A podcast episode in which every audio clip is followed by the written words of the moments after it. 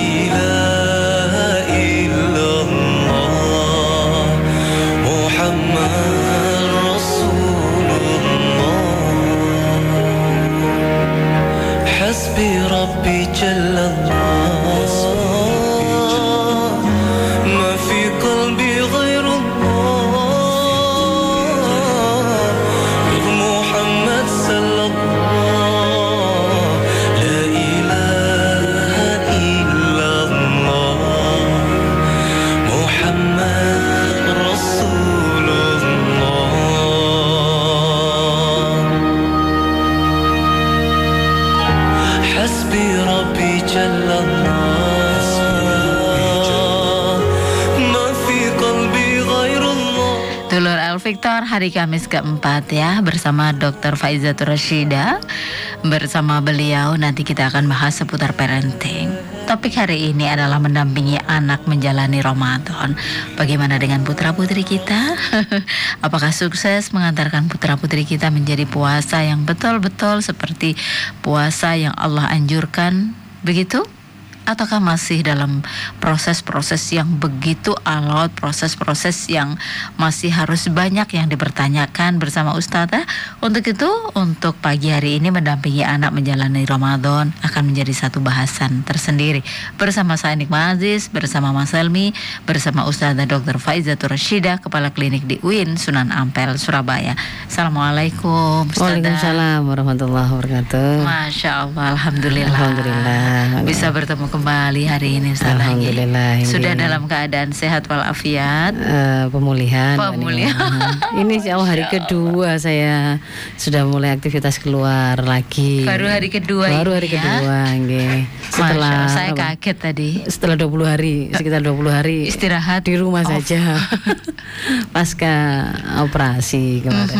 Mhm. Jadi memang kalau apa namanya eh, nggak nggak cerita ya nggak akan ketahuan. tahu, Iya. betul nggak tahu. Karena ketemunya sebulan sekali. Aha, dan saya kira fine-fine saja nggak ada apa rutinitas ngantor gitu ya.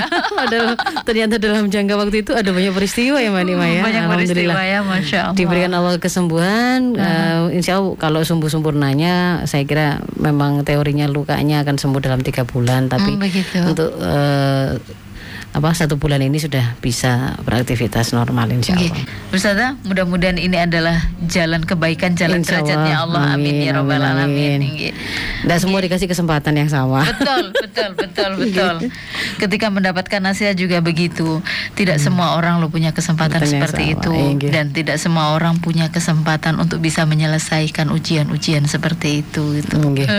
Semua orang ada ujiannya sendiri-sendiri. Betul. Dan Allah akan menguji kita sesuai dengan kadar kemampuan yang pasti kita bisa lewati. Mhm. Termasuk anak ya bisa Iya. menjadi ujian begitu ya Betul, betul. ya? Orang yang tidak dikaruniai belum dikaruniai keturunan itu menjadi ujian baginya.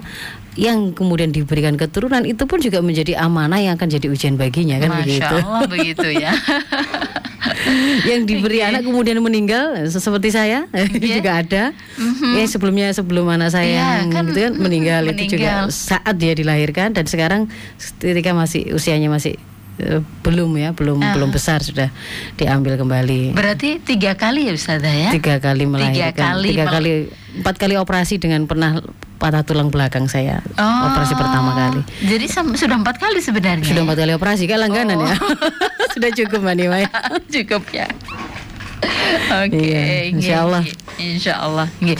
Ustazah ini bicara soal anak-anak ya, bicara soal anak-anak dan orang tua begitu. Mm-mm. Maaf loh Ustazah, terkadang ada anak-anak itu yang eh, tidak sesuai begitu. Tapi terkadang orang tua itu santai-santai saja, artinya. "Hmm, nggak masalah anak saya biasa-biasa Oh, saja. saya belum begitu. belum balik gitu belum ya? balik Nah, gitu ah. seperti itu.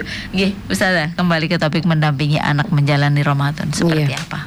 Jadi Ramadan ini, ibu-ibu, bapak-ibu sekalian, Dulur Victor, adalah kesempatan yang sangat bagus untuk kita me- menjadikannya momentum me- apa namanya melakukan pendidikan kepada anak kita atau mau membentuk satu habit baru, satu kebiasaan baru. Mhm. Termasuk misalkan kalau anaknya kemarin itu eh, belum bisa sholat lima waktu dengan rutin misalkan momen Ramadan ini kesempatan yang sangat bagus anak yang belum mengenal apa puasa eh, belajar berpuasa di bulan Ramadan ini adalah sebuah kesempatan yang bagus menjalin kedekatan menceritakan siroh menceritakan perjalanan dakwah Rasul dan seterusnya momen Ramadan ini juga menjadi suatu kesempatan yang sangat bagus karena satu sisi ketika orang itu me- apa namanya mengenal bagaimana keutamaan dan kelebihan Ramadan dibandingkan bulan-bulan yang lain. Nah, kalau hadis kan menyebutnya sebagai sayyidus syuhur ya.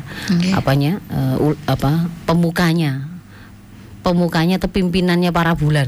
Jadi memang di sini karena terkumpul banyak sekali keutamaan dan itu berlangsung selama satu bulan.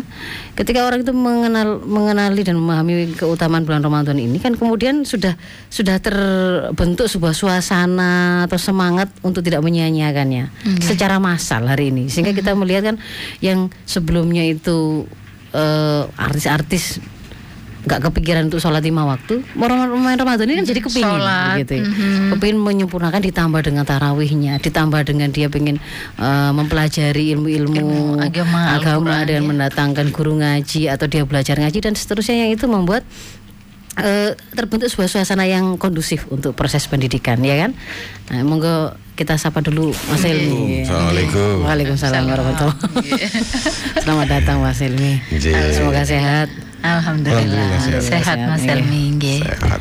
Nah, jadi memang eh, yang harus disadari pertama oleh orang tua ini kesempatan yang sangat bagus, sangat bagus untuk digunakan karena eh, suasananya itu suasana yang kondusif untuk kebaikan, Hmm. untuk memulai sebuah kebaikan.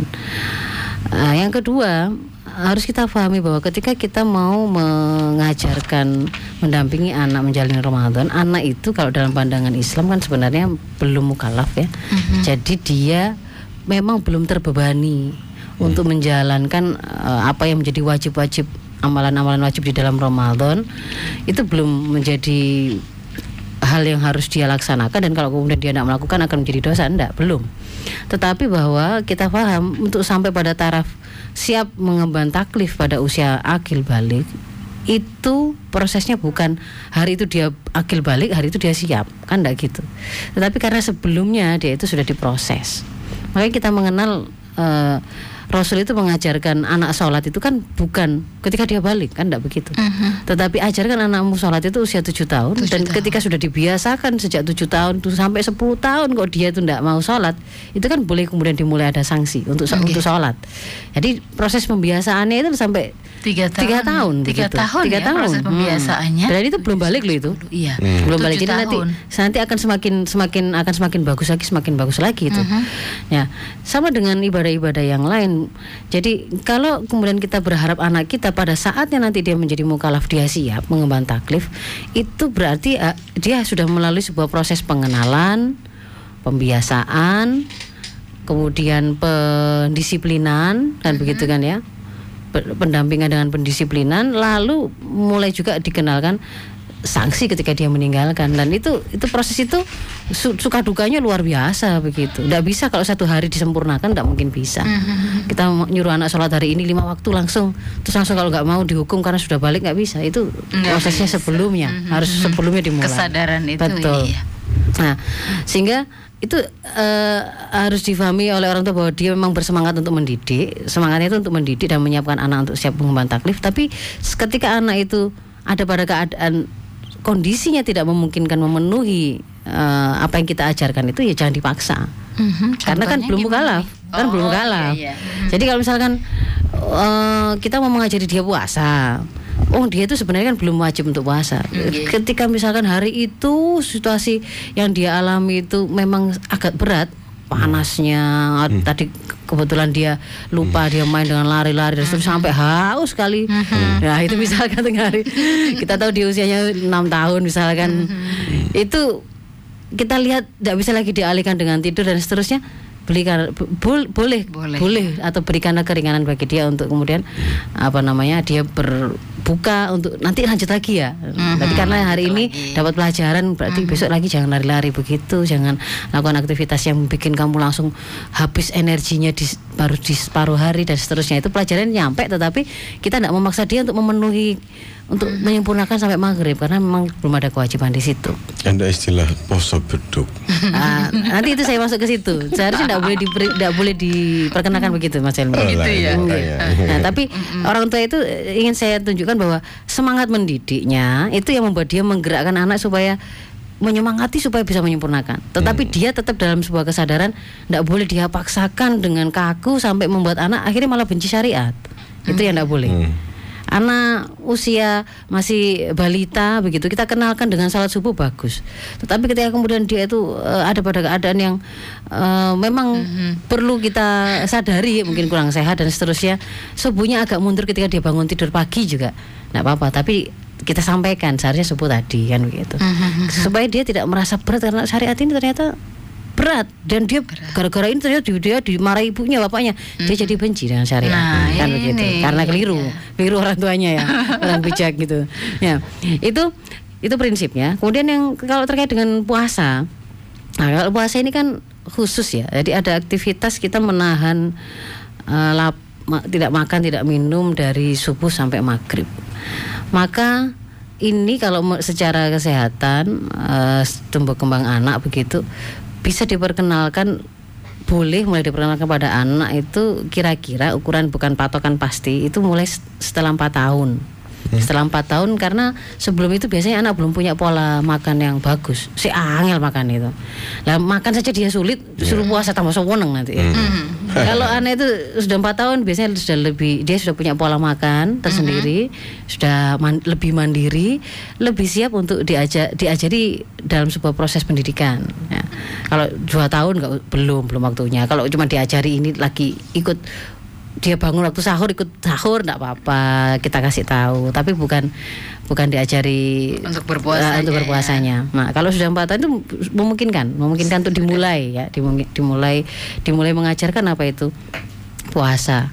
Lalu kita sampaikan bahwa puasa ini kan eh syariatnya itu seperti apa? Apa adanya disampaikan. Puasa itu yang memang ber- berhenti makan minum dan tidak melakukan keharaman lainnya itu sejak subuh saya maghrib jadi nggak ada dikenal subuh sampai duhur subuh sampai ada. asar nggak ada dikenal. Jadi beduk, ah, ada. asar puasa itu gitu memang ya. begitu. Tetapi karena adik ini nanti adik coba coba bersiap nanti maam yang bagus yang bergizi yang yang membuat yang membuat kita kuat. Kalau kemudian nanti itu merasa tidak kuat. Kalau kemudian anak itu tidak kuat bolehlah kita nanti boleh bilang ke ibu boleh bilang ke umi makan dulu supaya nanti jadi lebih kuat lagi seperti itu Mhm. Jadi tetap dijelaskan, dijelaskan apa adanya syariat apa itu syariat ya. itu seperti itu jadi tidak dengan tidak dengan diberitahu ada jenisnya puasa itu ada puasa beduk puasa asar puasa enggak karena puasa itu sampai maghrib. Maghrib. tapi bagi ad- karena orang-orang yang tidak kuat seperti ada kecil yang seperti ini seperti adik ini yang belum bisa untuk kalau langsung langsung diajari sampai maghrib belum bisa kita belajar dulu sekuatnya. Sekuatnya nanti oh ternyata sampai jam 10 sudah tidak kuat boleh makan terus lagi. Untuk teruskan lagi perjalanan jadi dia tahu finalnya ada di maghrib tapi di tengah-tengah itu bolehlah kemudian ada ada kayak persinggahan-persinggahan dia mengambil modal kembali mem- menguatkan dia untuk sampai ke sampai ke tujuan begitu ya. Tapi sepertinya memang kadang orang tuanya yang ini ya memang eh, tidak sempurna untuk menjelaskan ini kepada anak. ah.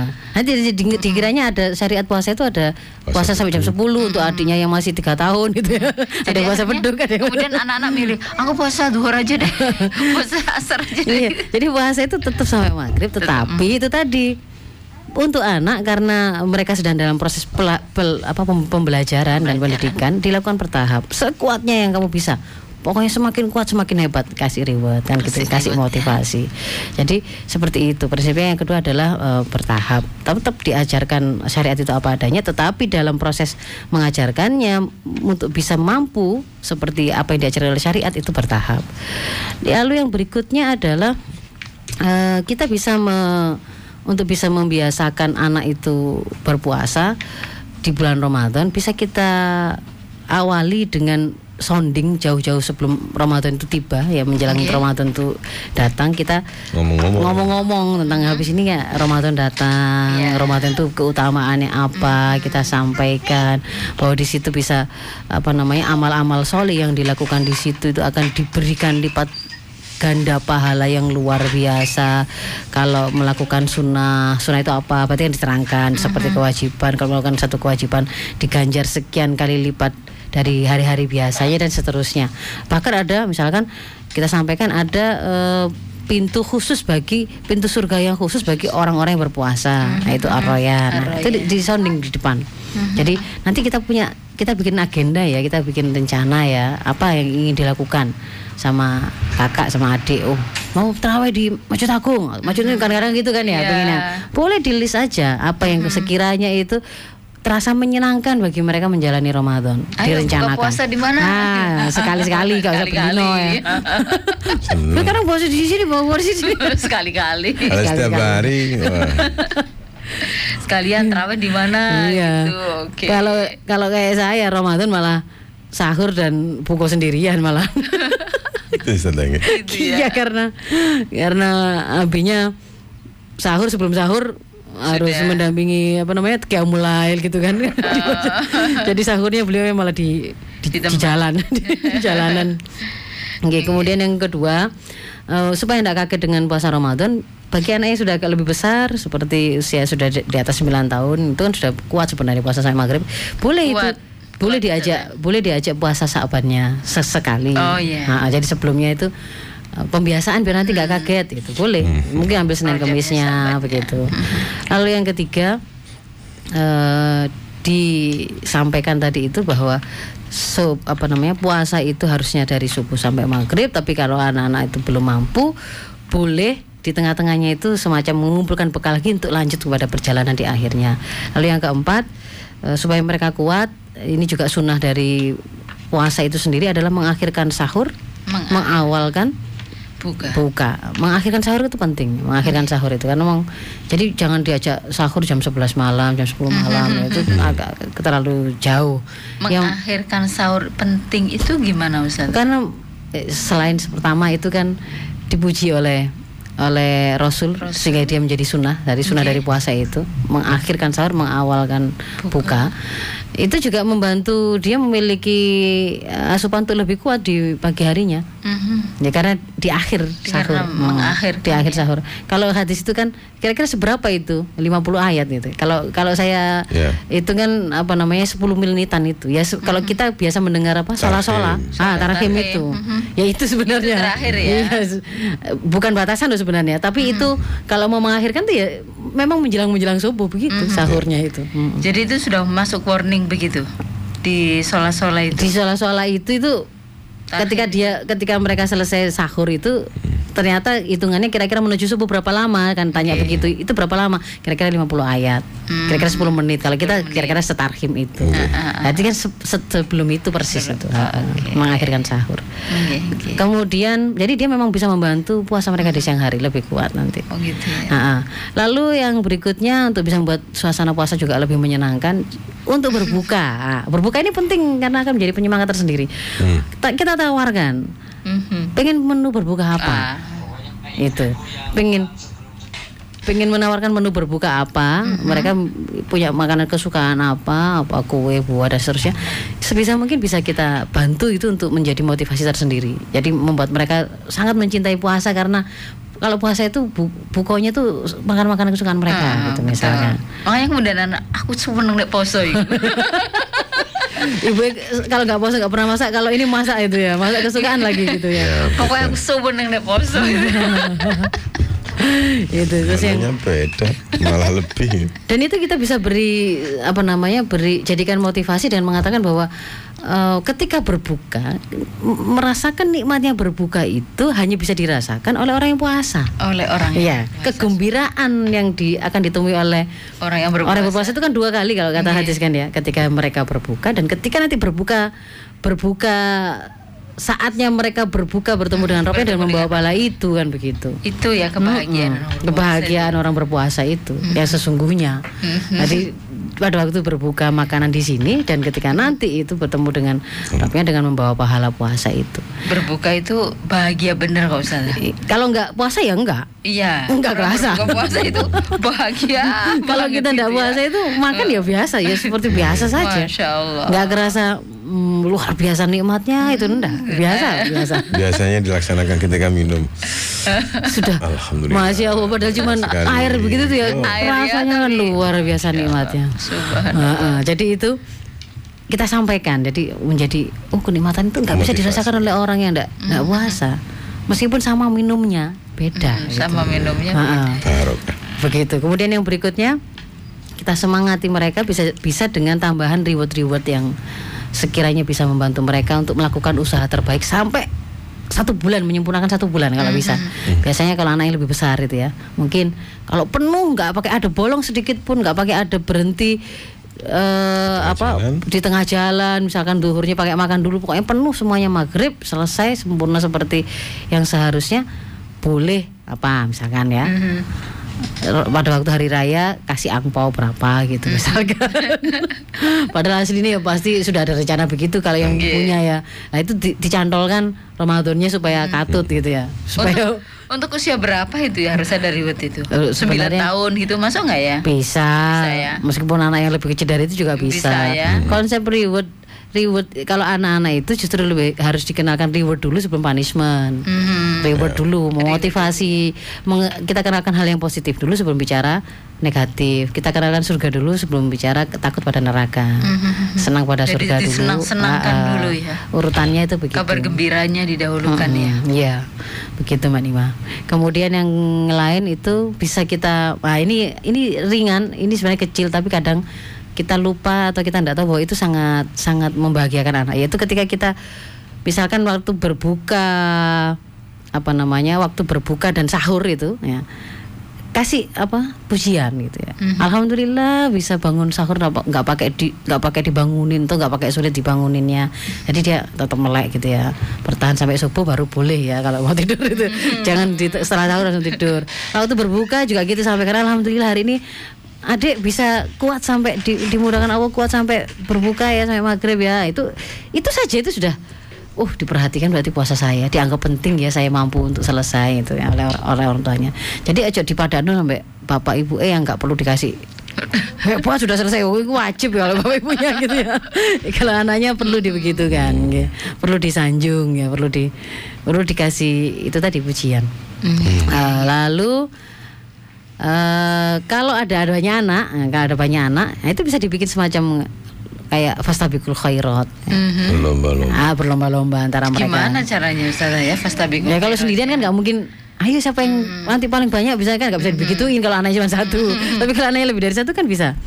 Yang hafal, yang apa namanya ngajinya paling banyak, paling rajin selama Ramadan nanti dapat apa Oh, begitu. Boleh, yang uh, jadi mereka juga apa berlomba untuk kalau nanti ada yang tahu uh, seharusnya tidak boleh mengatakan hal yang buruk. Ternyata kemudian ada yang melakukan ada yang mengingatkan. Nah itu kebaikan juga bisa dihitung seperti itu misalnya di- jadi mulai diperkenalkan juga mereka mengenal apa namanya berlomba-lomba dalam melakukan kebaikan gitu ya.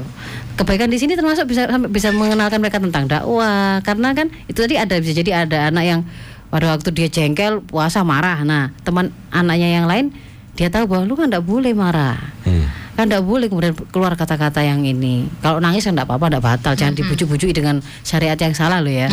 Kayak "Nek nangis lu nangis Batal, batal, batal. nggak boleh seperti itu. Kita harus tetap bicara benar apa adanya syariat itu mengajarkan nggak usah ditambah-tambahin.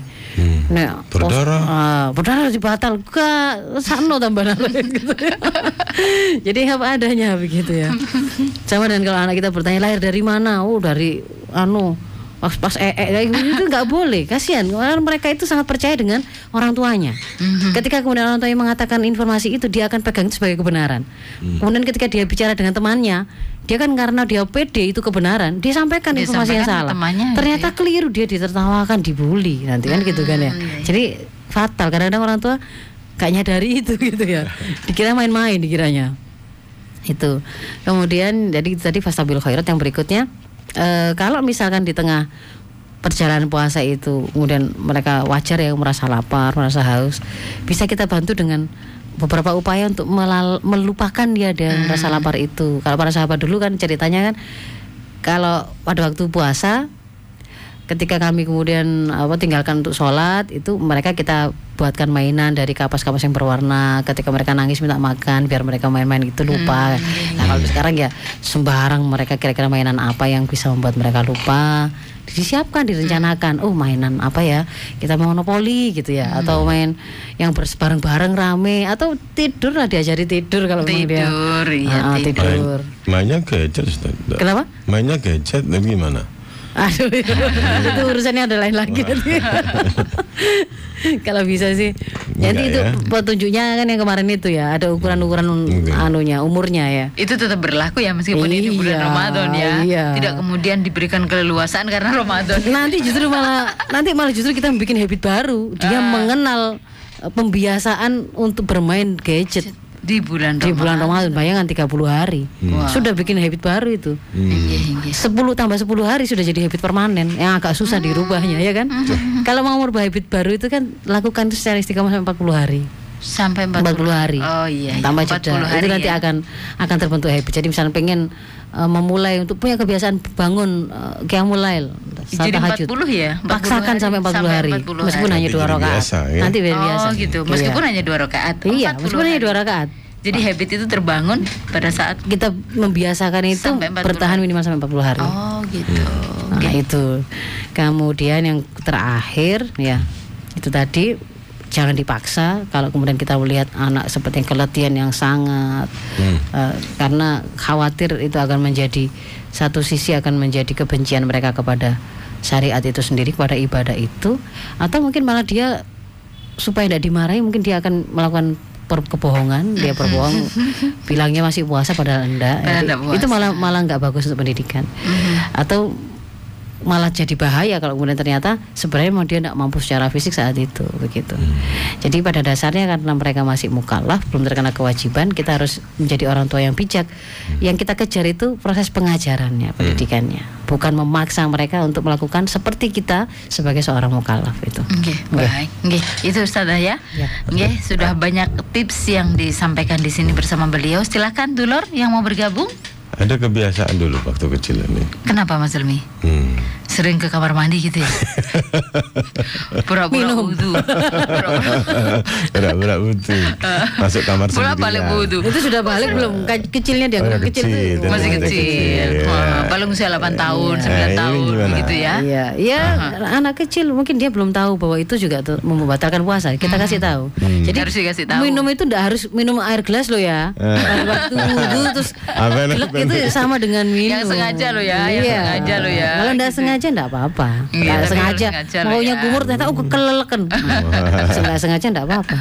Orang puasa makan satu piring minum satu gelas karena lupa itu rezeki bagi dia kan. Tapi Iya. bagi orang yang melihat itu sebenarnya kewajiban untuk mengingatkan. Kewajiban untuk Iya. Sik jono jono dhisik jono. Sik cek warak dhisik. Enggak, bagi yang melihat itu Harus. harus mengingatkan. Masa jam pisan kok nelfon nang jeding.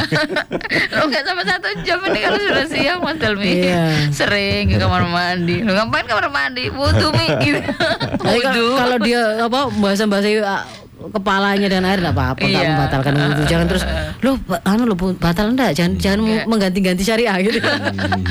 Tetap Iya iya iya pernah ada satu masa kita di Surabaya ini waktu saya itu masih apa oh sudah lama tahunan sudah, sudah belasan tahun yang lalu waktu rumah saya masih di Kelampi sana itu Ramadan di Surabaya itu sangat panas waktu itu suhunya waktu itu sangat, panas sekali 2012 2002 2003 itu. Eh, dunia waktu itu sangat panas sampai berita-berita itu kan kayak di India di mana itu yang namanya. Ah, ah, yang namanya yang namanya jalan itu sampai melengkung melengkung terlipat. Mereka tidur di bongkahan-bongkahan eh sampai gitu ya. Itu panas sekali itu. Rumah kontrakan kami waktu itu sangat sempit juga. Itu ya saking gak kuatnya itu ya anduk saya basahi tu- tutupkan di badan Saking Nggak panasnya batal ya. itu. Nggak Saking batal. panasnya ya.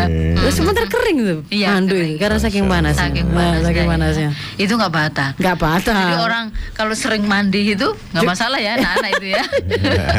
ini nek sing gede ya dituturi ya masa ya gak kuat itu Baik, Iya, kita break dulu sebentar dan Iya. dulur El Victor silahkan yang mau bergabung hari ini mau eh, banyak yang ingin ditanyakan silakan. Hmm, di Di- 8419393 sudah ada yang masuk tapi sebentar ya. Nggih. Untuk SMS ataupun WhatsApp di 081234939390. Baik, Mas Helmi, kita bergabung dulu untuk di Oh, sudah? 93 pertanyaan aja dulu. Oke. Nanti dijawab Ustazah Faiza. Assalamualaikum. Assalamualaikum Waalaikumsalam. Waalaikumsalam warahmatullahi wabarakatuh. Iya. Nggih, dengan Bapak? Pak nanti dengan Pak Ngatiman? Iya betul Jadi, Ah, nggih, silakan Bapak. mau tanya ke Ustazah Saya kan punya cucu Gimana cara merubah Kan dia mau sekolah Nggih. Iya itu biasanya tidurnya malam Nggih. Ini cucu saya ini Oh nggih. Kebetulan kalau tidur itu sekitar jam satu Oh, Umur berapa. Pak? Itu Usia- umur Ya ini mau sekolah PKN itu tahun depan Oh. Mau TK ya, Pak? Iya ini kan sudah daftar Oh, mau TK ya. Siangnya? Oke. Siangnya tidur, Pak. Enggak, enggak pernah. Dia Nggak kalau tidur. bangun jam 11. Ayo bangun tidur. Oh, bangun Oh, tidurnya bangun jam tidurnya 11. Sebelas. Malamnya jam 1. Oh, Oh, iya, iya. gitu. Terus dia semenjak 11 dia itu terus enggak enggak tidur lagi dia sampai malam lagi. Iya, iya. Hmm, ya, ya. Biar ya. apa hiperaktif lah saya katakan diri Aha. saya itu. Pak, Itu pada cara- waktu tidur malam itu ada yang nemenin nggak, Pak? Loh, Iya, papanya sama mamanya. Oh, gitu. Kebetulan papanya kan juga apa? Begadang kerjaannya. Bukan Bukan. pegawai kan ngedit sampai malam. Hmm. gitu. Oh, gitu. jadi dia apa ya itu kan dia di atas saya kan di bawah Oke. jadi saya lihat itu jam satu belum tidur baru nanti di atas jam satu baru tidur oke, Pak. cuma tips untuk gimana caranya supaya Hmm. bisa tidur normal seperti anak Oh, saya. Nah, nanti kalau jam 11 bangun sekolahnya jam berapa? Itu nanti kalau sekolah ya. Oke, oke Bapak. terus yang kedua gini Apa itu? anu pada Lur atau asar dia sering ikut ke musola gitu itu apa saya jajarkan saya gitu Oh, umurnya tadi berapa? Iya. Ya mau TK, ya, nggih. Iya, Nggih. dijejerkan. Bisa, bisa dipahami nggih. Iya, Pak. Matur suwun, terima kasih. Sama-sama, nggih. Waalaikumsalam. Ustazah nanti ya menjawabnya. Break dulu sebentar. Yang selalu bikin cinta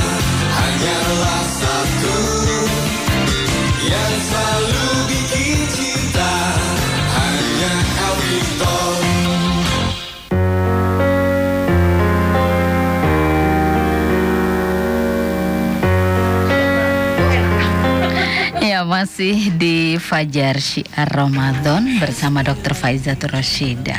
Mas Elmi ada pertanyaan tadi kita kembalikan bersama Ustazah Nggih. ini. ya. Silakan Nggih. Ustazah.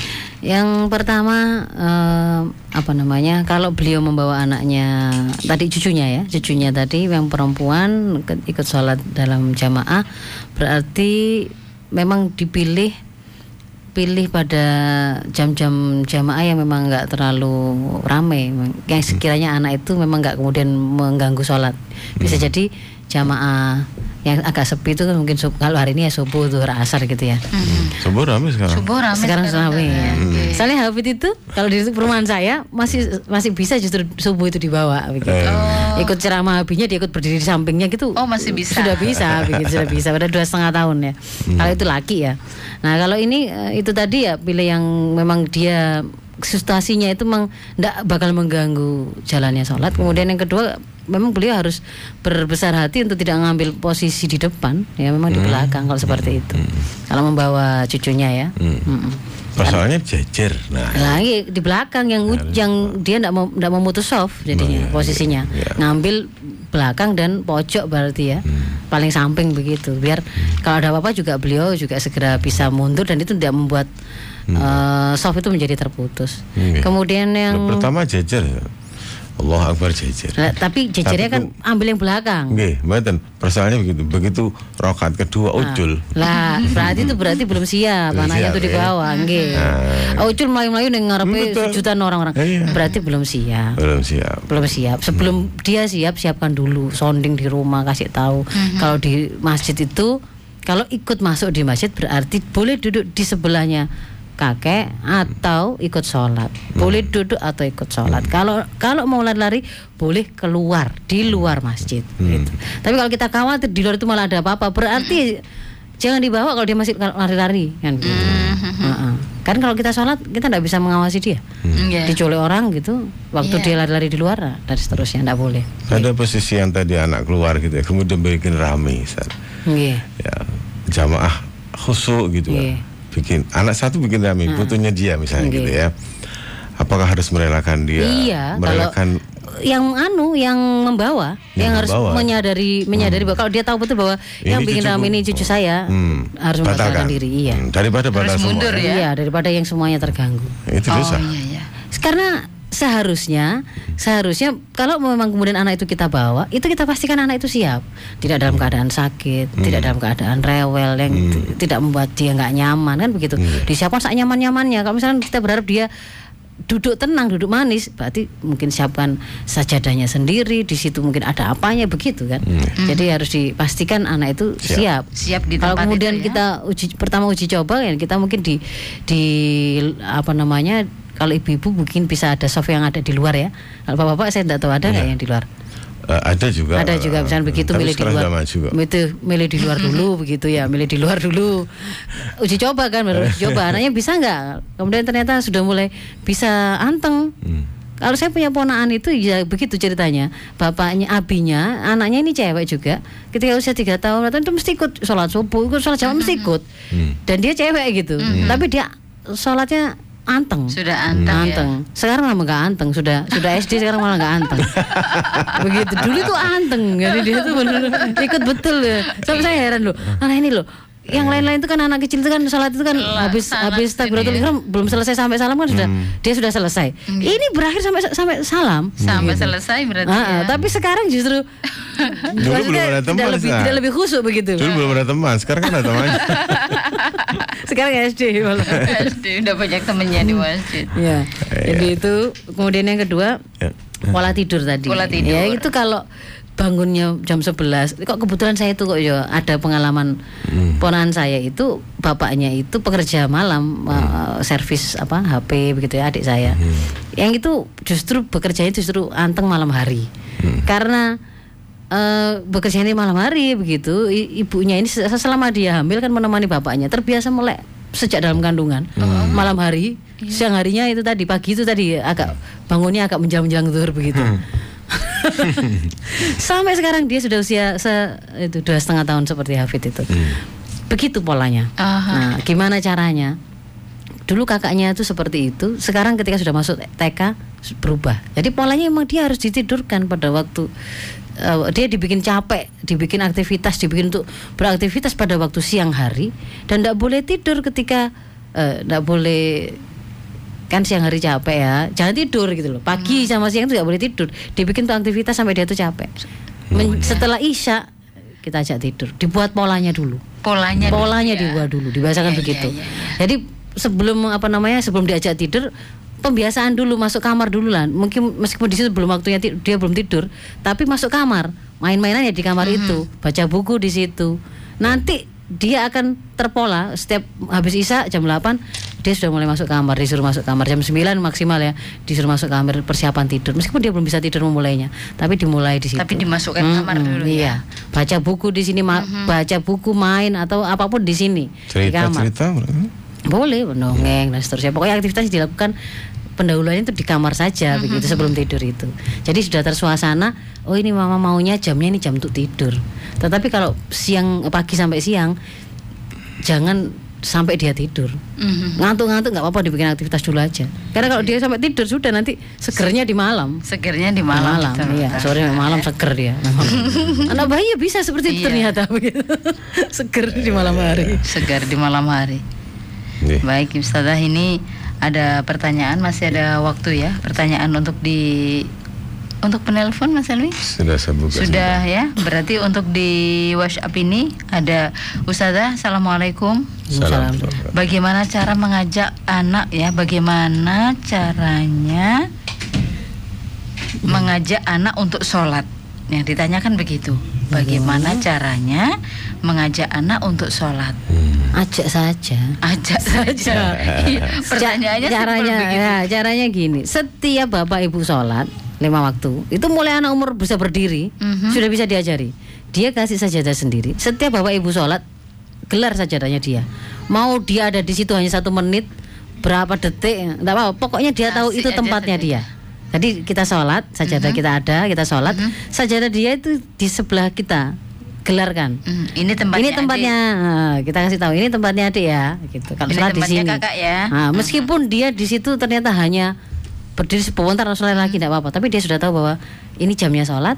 Kalau waktu lagi sholat begitu tuh ibu saya bapak saya pasti nggak bisa diganggu nggak bisa diajak ngomong sampai selesai baru dia nanti akan bisa di, diajak ngomong dan tempat saya di sini kan gitu. Iya. dia tahu jadwal-jadwal sholat dia tahu pembiasaan itu Berarti orang tua harus sabar dengan Ah, pembiasaan itu ya iya. Ustazah ya Nanti semakin semakin besar mulai diperkenalkan pakai ruku, pakai sarung, Mhm. pakai kopiah. Oh, dia tahu adab sholat itu ternyata bajunya, auratnya ada ada ada batasannya.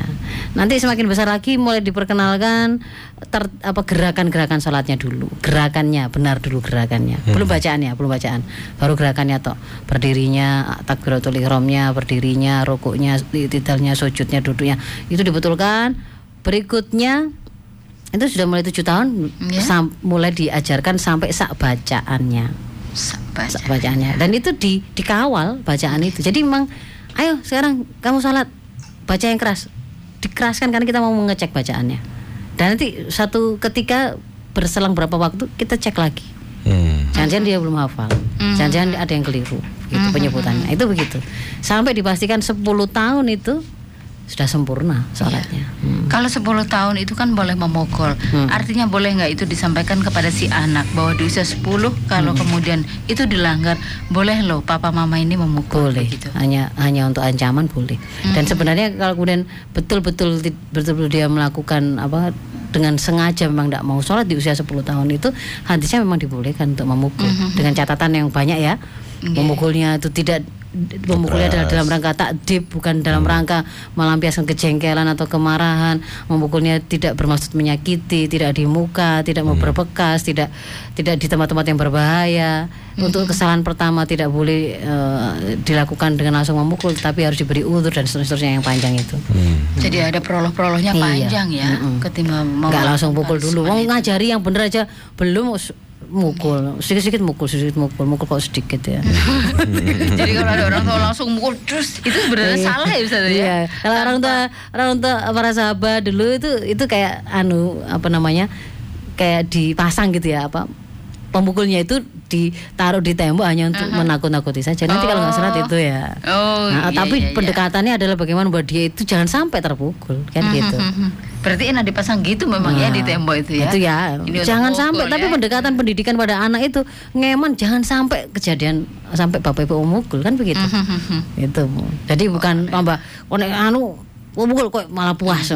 Oh, kesempatan mukul kayak gitu ya. Siap-siap beli pecut ini ya. Masya Allah. gitu. Ini dipukul. Eh, terus kemudian eh, dia langsung dipeluk lagi, dicium lagi. Nah, nanti anaknya bingung sebenarnya ayah saya ini Apa? sayang atau benci sama saya gitu. Kok seperti pada waktu memukul itu bukan karena takdib karena emosi yang nggak terkendali. Nah, habis itu menyesal lah. Ya itu itu nggak boleh makanya nggak boleh. Kalau karena emosi sangat wudhu justru hindari jangan jangan di hadapan anak itu.